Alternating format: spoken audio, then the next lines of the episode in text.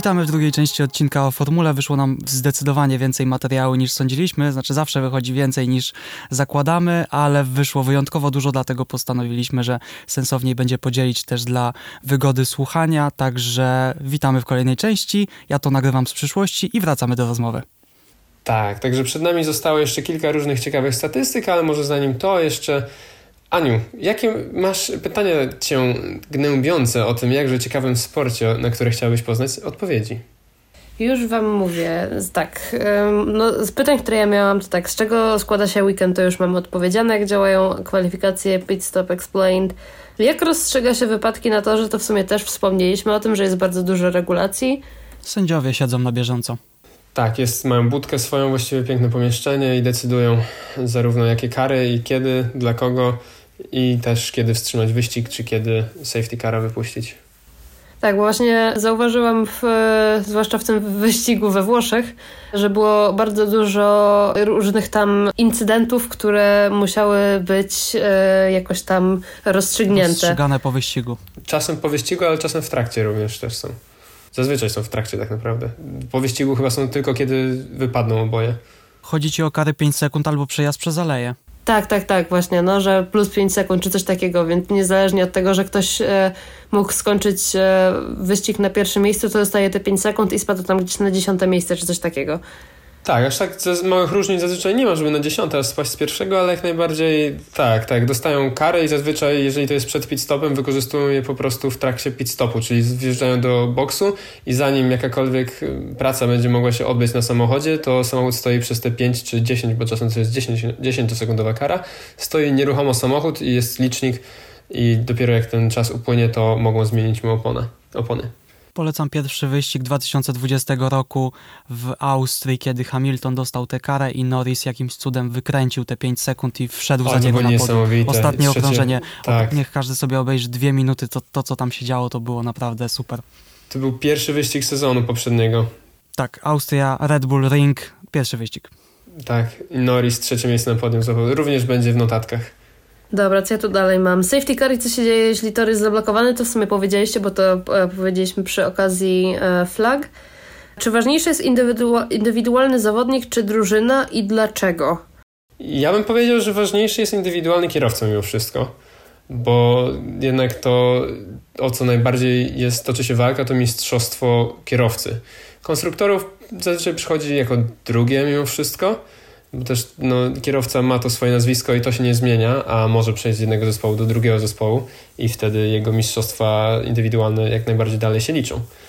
Mm, no natomiast bez zespołu nic by nie byłoby, nie byłoby auta, nie byłoby mechaników, więc jakby wszystko ma gigantyczne znaczenie tam, ale wydaje mi się, że większy prestiż jest jednak dla mistrzostwa kierowców.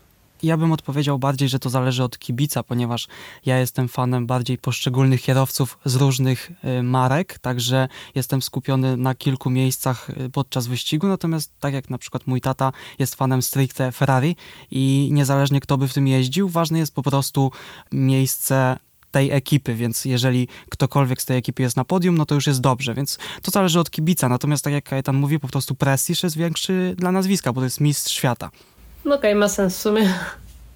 To jeszcze jedna taka rzecz, y, która mnie interesuje, to właśnie to, jaka drużyna używa jakiego sprzętu. Tutaj w zasadzie myślę, że głównie silniki, no bo to jakby ma duże znaczenie. Także y, ktoś tam pamiętam kiedyś mi coś wspominał, ale to naprawdę kompletnie już mi wypadło z głowy, także myślę, że tutaj możecie moją pamięć odświeżyć.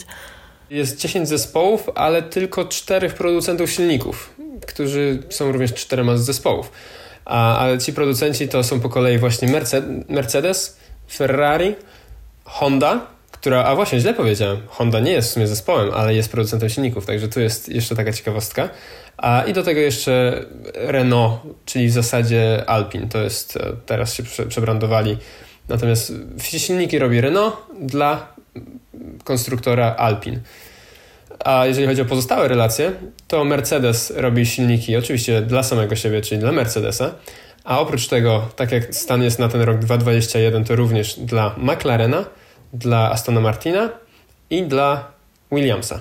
Także to czyni z nich taką trochę rodzinę, co jest bardzo ciekawe, bo nieformalnie wychodzi na to, że CEO, czy powiedzmy właśnie dyrektor zespołu Williamsa, e, przepraszam, dyrektor zespołu Mercedesa ma duży wpływ na to, jacy kierowcy trafią do tych zespołów, którzy, które są również w tej rodzinie, w szczególności na przykład takiego Williamsa.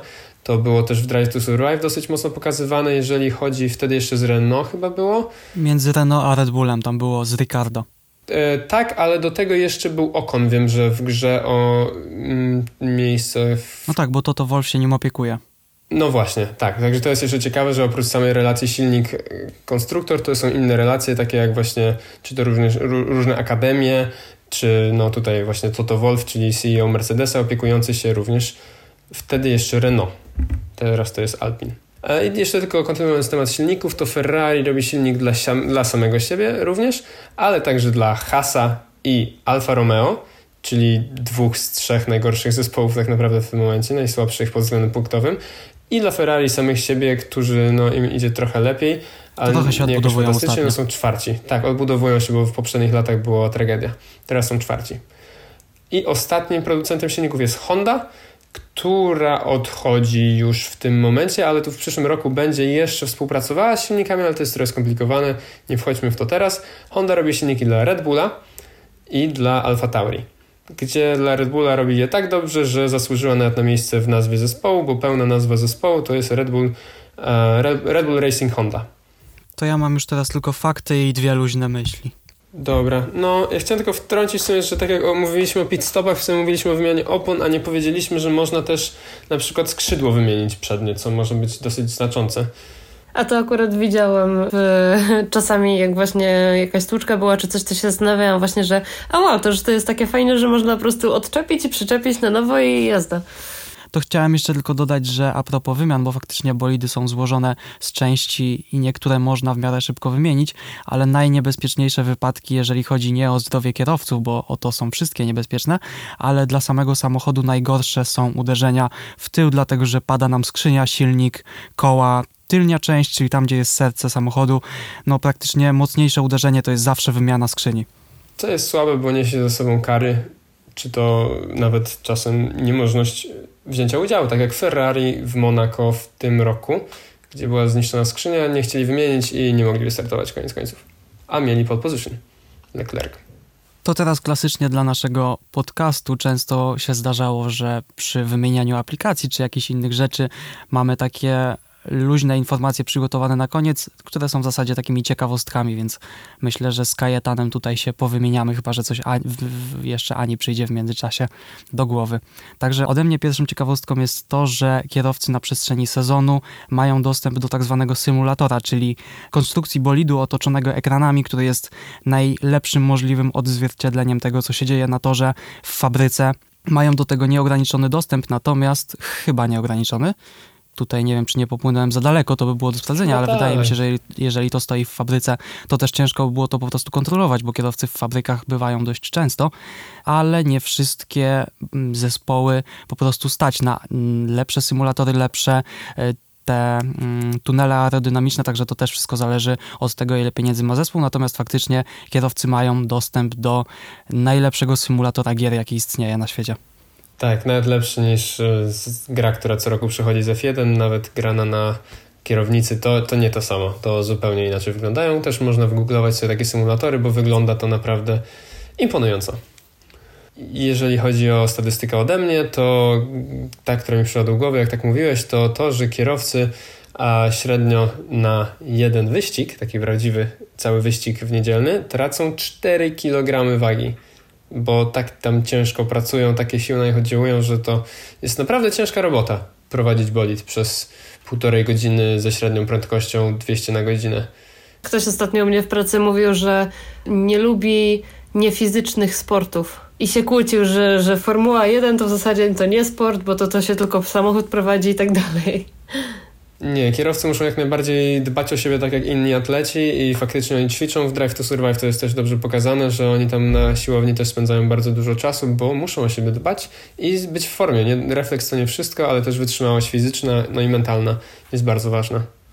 To kolejna informacja ode mnie, wracając trochę do wyścigu w, we Włoszech, o którym mówiła Ania, jeden z najsłynniejszych wypadków ostatnich lat, w którym Verstappen wylądował na głowie Hamiltona. Halo wytrzymuje 12 ton nacisku. Wow. A ja znalazłem informację, że 5. Właśnie też znalazłem, że 5, a zaraz na innej stronie, która wyglądała trochę bardziej legitnie, że 12. Okej, okay. E, okay. no to może tak być. A- Nie no, bo też nie chcę palnąć, ale no sprawdzałem To na 5 trzech albo stronach. 12. Raz znalazłem, że 5, ale znaczy rozstrzał jest dość duży, czekaj. No tak, ale tak czy jak to bardzo dużo. Na pewno ileś ton, więc to jest ważne. I już uratowało kilka żyć. E, Dosłownie właśnie Hamilton, Leclerc, Grosjean i kilka na pewno innych jeszcze. A jest z nami od 2018 roku. I na początku się trochę ludzie sprzeciwiali, no bo taki słup im stoi naprzeciwko, na wprost, tam gdzie patrzą kierowcy. Ale jak się okazuje, no jest to zdecydowanie podstawowe tak naprawdę teraz narzędzie zabezpieczające kierowców. Obecne nie tylko w Formule 1, ale we wszystkich formułach, którymi FIA zarządza. Moto High i Wikipedia i wiele innych stron podaje 12 ton. Okej, super. To dużo. Także tym się sugerowałem. Może być 12 ton. Tak jak poruszyłem przed chwilą Grożana, to, ale jego nazwisko teraz źle powiedziałem na pewno, nie będziemy odmieniać. Grożą, a on w 2020 roku miał wypadek, bardzo popularny myślę nie tylko w samej Formule 1, gdyż był bardzo spektakularny, ponieważ jego bolid wpadając w barierki rozpołowił się na pół właśnie i stanął w płomieniach. Natomiast to, co jest ciekawe, to właśnie to, że on wtedy wjechał w tę barierkę z prędkością 192 km na godzinę. Powtórzę, 192 km na godzinę znalazłem informację, co wygenerowało przeciążenie rzędu 67 G. 67 G i nie stracił przytomności, co jest ciekawe i co jest ultra ważne, bo gdyby stracił, to wypadek skończyłby się na pewno zgoła inaczej, natomiast nie stracił i wyszedł z tego cało. Również podlinkujemy, myślę, ten wypadek jako filmik, jeżeli ktoś nie widział, bo naprawdę warto i to były momenty grozy, których jest mało ostatnimi czasy w F1. Nie, żebym chciał I więcej, dobrze. ale po prostu tak, absolutnie. To tylko świadczy o bezpieczeństwie bolidów, natomiast tutaj to był naprawdę gigantyczny moment grozy, bo 67G to naprawdę dużo, gdyż normalnie w wyścigu jest 2G przyspieszenia i do 6G w zakrętach znalazłem informację, że kierowcy mają, jak się ścigają, więc tak czy siak dużo więcej doświadczył, uderzając w barierkę. No ostatni właśnie śmiertelny chyba przypadek to był Senna, nie? Był Hubert, Hebert, No to w F2, tylko że to nie było F1. mhm, to F2, Antoine Hubert i to było dwa lata temu chyba. No to w sumie, jeżeli zakończyliśmy nagrożanie, no to kolejna informacja z tematu nieciekawych. Przez całą historię Formuły 1 46 kierowców straciło życie przez to, że ścigali się tymi samochodami. To mnóstwo. Kurde, nie myślałem, że tak dużo. Mam tu gdzieś też informację o 51. Te wszystkie dane, może to też warto w sumie wspomnieć, bo ja teraz sprawdzam też ten, y, tę moją informację. Bardzo wiele stron podaje bardzo wiele innych informacji, także coś może tak, się mylić. Natomiast często są to dane mimo wszystko zbliżone do tego, co mówimy w większym czy mniejszym stopniu. Tak, ale właśnie miejmy to tak e, na zapamięci, że nie cytujmy może tych liczb dla kogoś, kto ma w ręku czy regulację, czy wszechwiedzącą książkę, jeżeli taka istnieje. To ja mam statystykę dla porównania, że nie, związana zupełnie z tymi okolicznościami, ale liczba też jest w nich, więc porównam. E, Według zasad F1 maksymalnie dopuszczonych do wyścigu może być obecny przynajmniej 26 aut, czyli 13 zespołów w jednym sezonie, w jednym wyścigu. A mamy trz- 10 zespołów i 20 aut, także jeszcze jakby ktoś chciał dołączyć, na przykład BMW, to zapraszamy. To ode mnie dalej największa zmierzona prędkość maksymalna, oficjalna, to jest 372. To ja mam 375, ale to tylko wraca do tego właśnie, o czym przed chwilą powiedziałeś. O tym właśnie mówimy. Tak jest. To tak czy siak bardzo dużo. I to, co ja mam jeszcze w temacie bolidu i właśnie takich, jak mówisz, osiągnięć, osiągów, przepraszam, jego, to, to wszystko ma miejsce dzięki silnikowi, który jest notabene dość mały, bo, i tutaj znowu znalazłem różne informacje, ale pójdę z tą, która wydawała się bardziej legitna, e, silnik o rozmiarze 2,4 litra, może 1,6, bo to też czytałem, ale tak czy siak dość nieduży silnik e, V6 turbo, który ma około 1000 koni mechanicznych razem z hybrydą, bo to jest znaczy razem z elektrykiem, bo to jest hybryda. A sam bolid waży około minimum 746 kg. Do tego kierowca, do tego płyny, do tego no, do tego takie rzeczy. Natomiast jest waga minimalna bolidu, co jest ciekawe w sumie. To jest głównie po to chyba, żeby duże zespoły nie mogły używać super drogich, super lekkich i wytrzymałych komponentów, żeby no, nie środowiska nie zanieczyszczać bardziej oraz żeby im nie dawać a jeszcze większej przewagi nad pozostałymi zespołami, którzy nie mają środków na to.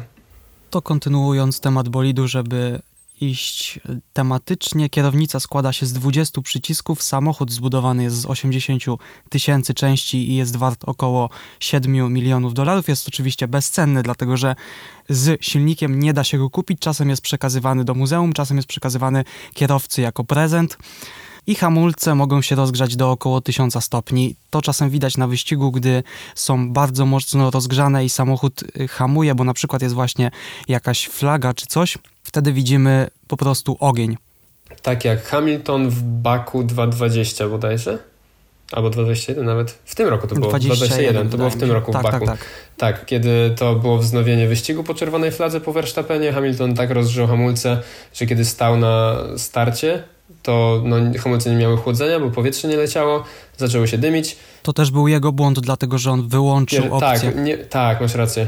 Tak, tak, bo jest, mają guzik do rozgrzewania hamulców i on chyba właśnie nie wyłączył I tego rozgrzewania, czy coś tego typu. Tak, no i z drugiego miejsca dojechał bez punktów. I to był pierwszy wyścig bez punktów od dosłownie kilkudziesięciu wyścigów i to był jego rekord też. Najwięcej wyścigów z punktami. 50 w sensie, czy ileś to trzymając się dalej toru w Baku i też innych miejskich, znalazłem informację, że wszystkie fizyczne rzeczy, które znajdują się na drodze, jeżeli wyścig jest rozgrywany w mieście, muszą być przyspawane, co nie do końca się czasem udaje, bo mieliśmy sytuację w Baku, kiedy Russell wyleciał na kamieniczce. Tak, i chyba nie tylko tory miejskie, ale wszystkie tory. Natomiast gdzieś też było, chyba Leclerc miał studzienkę otwartą na jakimś torze, pamiętam, co go tam lekko kopnęło od dołu. Czy nie tylko nawet on może to po prostu było na treningu chyba, czy, czy coś takiego. Jeżeli chodzi o moją jeszcze statystykę, wracając do bolidów, to chyba ostat... jedno z ostatnich na pewno, a to znalazłem taką ciekawą statystykę, która może właśnie pokazać, co te bolidy tak naprawdę potrafią. A chodzi o to, że wyobraźmy sobie, że bolid rusza od 0 do 100 km na godzinę i następnie z tych 100 zatrzymuje się do zera ponownie. I pomyślmy sobie, jak długo to mogło potrwać. I właśnie Piotrek już podpowiada, to trwa 4 sekundy, zaledwie 4 sekundy. Nie żeby się rozpędzić do setki w 4 sekundy, tylko żeby się rozpędzić do setki i zwolnić z powrotem do zera. To trwa 4 sekundy. Tak dobre przyspieszenie i tak dobre hamulce mają bolidy. F1. A za takie przyspieszenia i za takie hamulce odpowiada od 400 do nawet 1000 osób w zespołach, a osób, które mogą być na wyścigu jest od 50 do 75. W całym garażu mechaników, tak? Tak każdej drużynie stoją setki, jak nie tysiące ludzi za tym, co widzimy co niedzielę, no nie co niedzielę, ale co Grand Prix na torze. Niesamowity. I to też w zależności od tego, ile pieniędzy ma zespół, żeby zatrudnić tylu, y, tylu mechaników. Dokładnie. Mechaników, inżynierów, projektantów, w ogóle mnóstwo zawodów tam w tym wszystkim jest. I to właśnie oni, te wszystkie kilkaset zawodów, kilkaset ludzi pracuję nad tym, żeby właściwie nad jedną rzeczą tak naprawdę, czyli nad poprawą aerodynamiki bolidu, bo to jest tak naprawdę top jeden priorytet tych wszystkich zmian, które są wprowadzane. Wszystko chyba się sprowadza do tego, żeby poprawić aerodynamikę pojazdu, co sprowadza się do tego, że mają one, z tego co znalazłem, 5G siłę docisku do podłoża, Czyli, że powyżej jakiejś tam prędkości, to wcale nie jakiejś gigantycznej, tylko tam 100 kilkadziesiąt 130. bodajże, 130 km na godzinę, mogą jechać do góry nogami. Nie wiem, czy to było kiedykolwiek sprawdzone, ale mogą tak. Tak fizyka im na to pozwala, ponieważ taką mają świetną aerodynamikę. Ode mnie numer 13, bo każdy kierowca może sobie wybrać, o jakim y, numerze chce mieć samochód. Jedyne, jedynie jedynka jest zarezerwowana dla mistrza świata, jeżeli tego chce. Natomiast numer 13 był użyty tylko dwa razy, więc pewne przesądy jednak w sporcie się dzieją. Jeżeli dobrze pamiętam to źródło, które również znalazłem, o którym mówisz, chyba właśnie jeden z tych razy, kiedy był to użyty, nawet miał wypadek. Tak. W sensie jakiś taki, Widziałem to na zdjęciu, nie... nie... chciałem tego potwierdzać, bo nie wiedziałem, czy, czy to było, czy to takie tak, zdjęcie no, ktoś to... wstawił po prostu, ale faktycznie było zdjęcie rozwalonego bolidu z numerem 13. No i właśnie jeżeli chodzi o takie rzeczy jak ten numer 13, który rzadko był wykorzystany w sporcie, to może niektórzy się zastanawiają, czemu w tym sporcie są sami mężczyźni. I otóż jest taka ciekawostka, którą znalazłem, nawet nie zapisałem, bo nie wiedziałem, czy będzie ciekawa, ale z głowy ją teraz przypomnę, że była jedna kobieta w historii F1, która zdobyła kiedyś punkt klasyfikacji mistrzostw e, kierowców, a konkretnie pół punktu. Także minimum, jakie się dało zdobyć. Nie wiem dlaczego akurat pół, jakieś warunki na pewno były ciekawe, ale była kobieta, która jechała w F1 i zdobyła pół punktu. Także wielkie brawa dla niej. Było to na pewno dość dawno temu. Nawiążę do tego, o czym mówiliśmy wcześniej przy okazji tak zwanego podciągania się jadąc za czy kolegą z zespołu, czy jakimkolwiek innym samochodem. Logo McLarena, czyli taki wir powietrza jest zainspirowany właśnie e, wyrzucaniem tego skompresowanego powietrza z tylniego spoilera bolidu. Tak, tak. To czasem widać na wyścigu, jak rzadko, ale ostatnio, bodajże na ostatnim Grand Prix było bardzo dobrze to widać nawet. To zależy wszystko od ustawień spoilera właśnie i warunków pewnie też atmosferycznych. I ostatnią statystyką, którą mam przez siebie przygotowaną jest to, że najbardziej utytułowanym zespołem w całej 70 już teraz jednoletniej historii F1 jest Ferrari, czyli w zasadzie jedyny zespół, który startował chyba w każdym Grand Prix których już jest teraz ponad tysiąc, bo w zeszłym sezonie świętowali tysiąc wyścigów i mieli specjalną skórkę na to, która była śliczna moim zdaniem, był uwielbiam bordowy, ale dążąc już do sedna, to Ferrari tych tytułów zespołowych ma 16. Jest to najwięcej z jakiegokolwiek zespołu. Już mi się kończą te nawiązania, niestety znowu chyba nie jestem w stanie. No już tak, ja mam jeszcze tylko dwie. Można wynająć sobie bolid z zespołem na jedno kółko na niektórych torach również w Europie i kosztuje to od 6 do 10 tysięcy dolarów za kółko. I oczywiście jest to dużo, ale widziałem ciekawe porównanie. Ale aktualny bolid? Czy zawsze jakiś e, poprzedniego roku? To jest, no, tu się przyznam, że wpisałem, czy można przejechać się bolidem myślę, Formuły 1. Aktualny. Myślę, że tak, nieaktualnym, ale no czymś, co na pewno da ci jakiekolwiek porównanie. O, absolutnie. Więc absolutnie e, pod tym kątem jest to ciekawe i znalazłem też fajne porównanie, że no oczywiście 6-10 tysięcy dolarów to jest bardzo dużo pieniędzy, ale jeżeli chodzi o takie przeżycia i doznania, w zależności od tego, czym się ktoś interesuje, to wejście na Monteverest kosztuje 50 tysięcy dolarów, a kilkuminutowy lot w kosmos obecnie 250, więc jeżeli ktoś się interesuje konkretnie tym sportem, a nie wspinaczką albo nie kosmosem, no to jest to stosunkowo osiągalne do odczucia. To na pewno daje kompletnie inną perspektywę potem oglądając sobie taki wyścig, więc jeżeli ktoś by chciał i miałby te 50 tysięcy złotych, to jedno pełne kółko, jest krótka instrukcja, jedno rozgrzewkowe i jedno pełne do przejechania. Tylko to pewnie by tylko udowodniło, jak piekielnie trudne jest prowadzenie bolidu F1, nie żebym miał kiedyś okazję prowadzić, ale z tego co słyszałem, oglądałem, to to jest o tyle trudne, że żeby jechać bolidem, to trzeba jechać szybko bo inaczej to cała aerodynamika w ogóle nie ma zastosowania, hamulce się przegrzewają, opony się nie są rozgrzane tak jak powinny być i po prostu bolid nie jest w stanie no, jechać w żadnych, w żadnych okoliczach swoich maksymalnych osiągów. Więc albo ktoś ma odwagę wjechać w zakręt 180, albo wypadnie. Tak, jak pojedzie wolniej, to wypadnie, co jest straszne. I ostatnia ciekawostka ode mnie. Najmłodszy kierowca w historii formuły miał bez już miesięcy i dni, ale 17 lat i zaryzykuje stwierdzeniu, proszę za dwa miesiące do tego wrócić i w tym roku zostanie mistrzem świata. Mówimy o Maxie Verstappenie. Uff, uhu, no proszę. To wracamy do widzę przewidywań z początku sezonu, do których również zachęcamy, żeby ich posłuchać, jak już teraz znacie całe, całe basic, całe, brak mi słowa. A, jak już znacie całe podstawy, no, jak znacie całe podstawy sportu, to wróćcie do poprzedniego podcastu F1, poprzednich podcastów.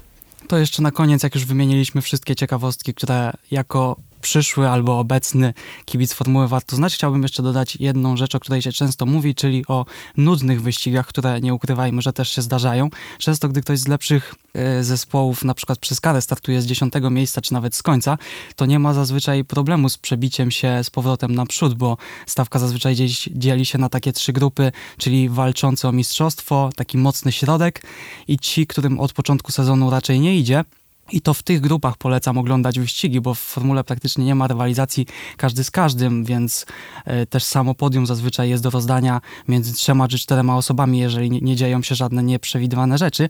A co do samego wyprzedzania, to trzeba pamiętać, że zakładając, że nikt nie popełnia błędów, to taki manewr między faktycznie rywalizującymi samochodami zależy od bardzo wielu rzeczy, jak inna strategia, podcięcie w boksie, ogólnie zarządzanie oponami, ustawienie y, samochodu podczas treningów na, na balans, docisk i tak dalej. To jest bardzo wiele rzeczy. Plus jazda za kimś jest po prostu dużo cięższa, więc no stety, niestety tych wyprzedzeń nie ma bardzo dużo.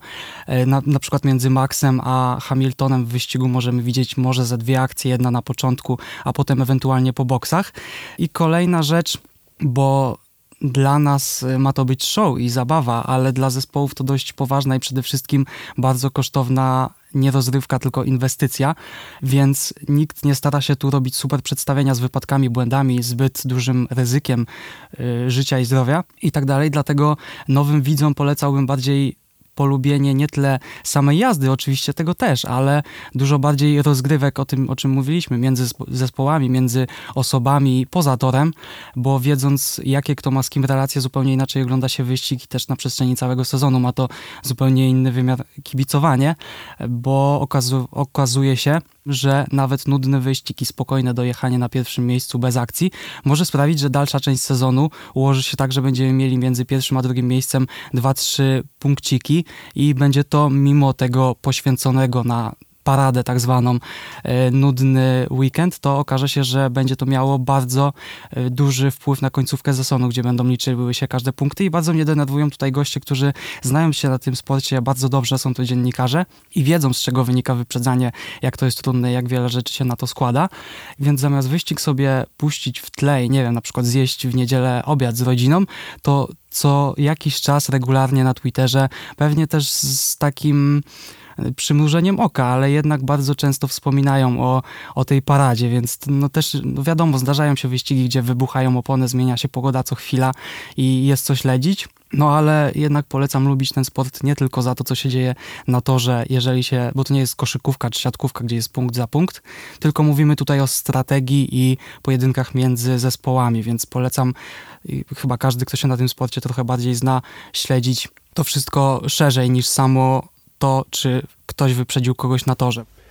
A do śledzenia właśnie tego sportu jeszcze poza tym, co się dzieje na torze, to pewnie zostawimy w notatkach jakieś e, jeden, dwa, może kilka pro, kont na Twitterze, którzy dobrze komentują też akcje poza, jakie kary dostają zespoły, czy co innego się dzieje między właśnie wyścigami.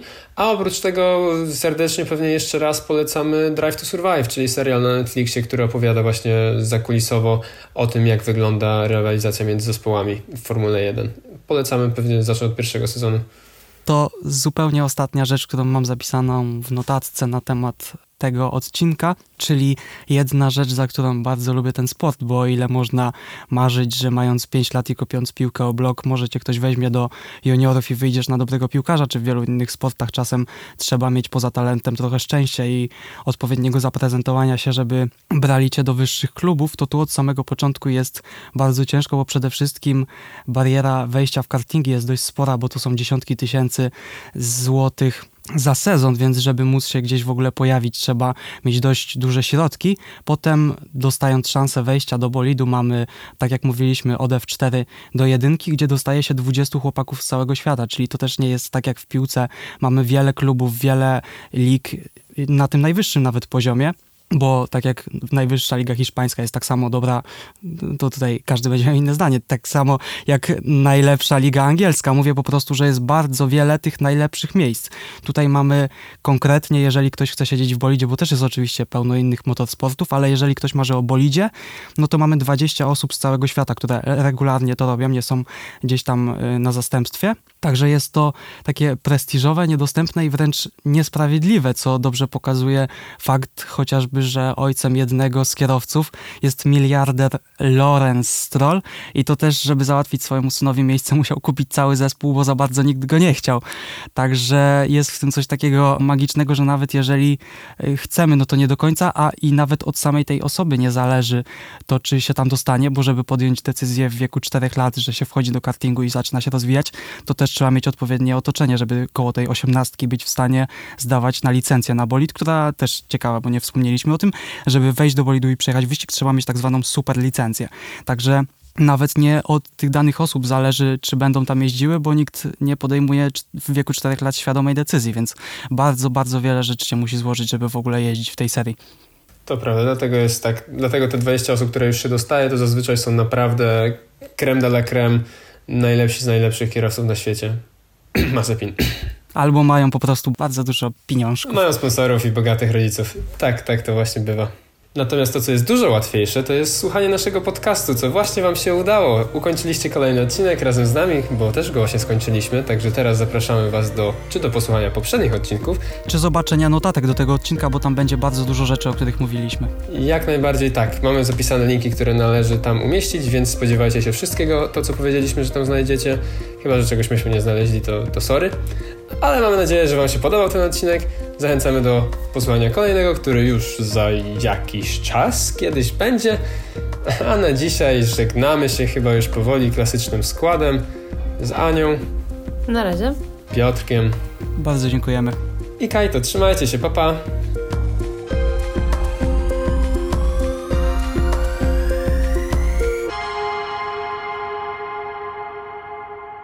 Dobra, i teraz tak, czy, czy dzielimy to na dwa? Ile tam macie surówki? Jak Ci wygodny? Ja mam dwie godziny na liczniku, także myślę, że to spokojnie na dwa, te, na dwa odcinki pójdzie. Dobra, to teraz nagramy jakąś wstawkę, co w środek wstawisz. I nie mam zielonego pojęcia, o czym mogliśmy wtedy mówić. Ja myślę, że trzeba to zrobić tak drastycznie dosyć. Uwaga, koniec i ten. I kończymy ten, tą część. Posłuchajcie następnej, nie że próbować kontynuować. No, I jesteśmy tu wszyscy razem, także słuchajcie nas udanego odcinka. Słuchajcie nas było głupie trochę, ale spoko.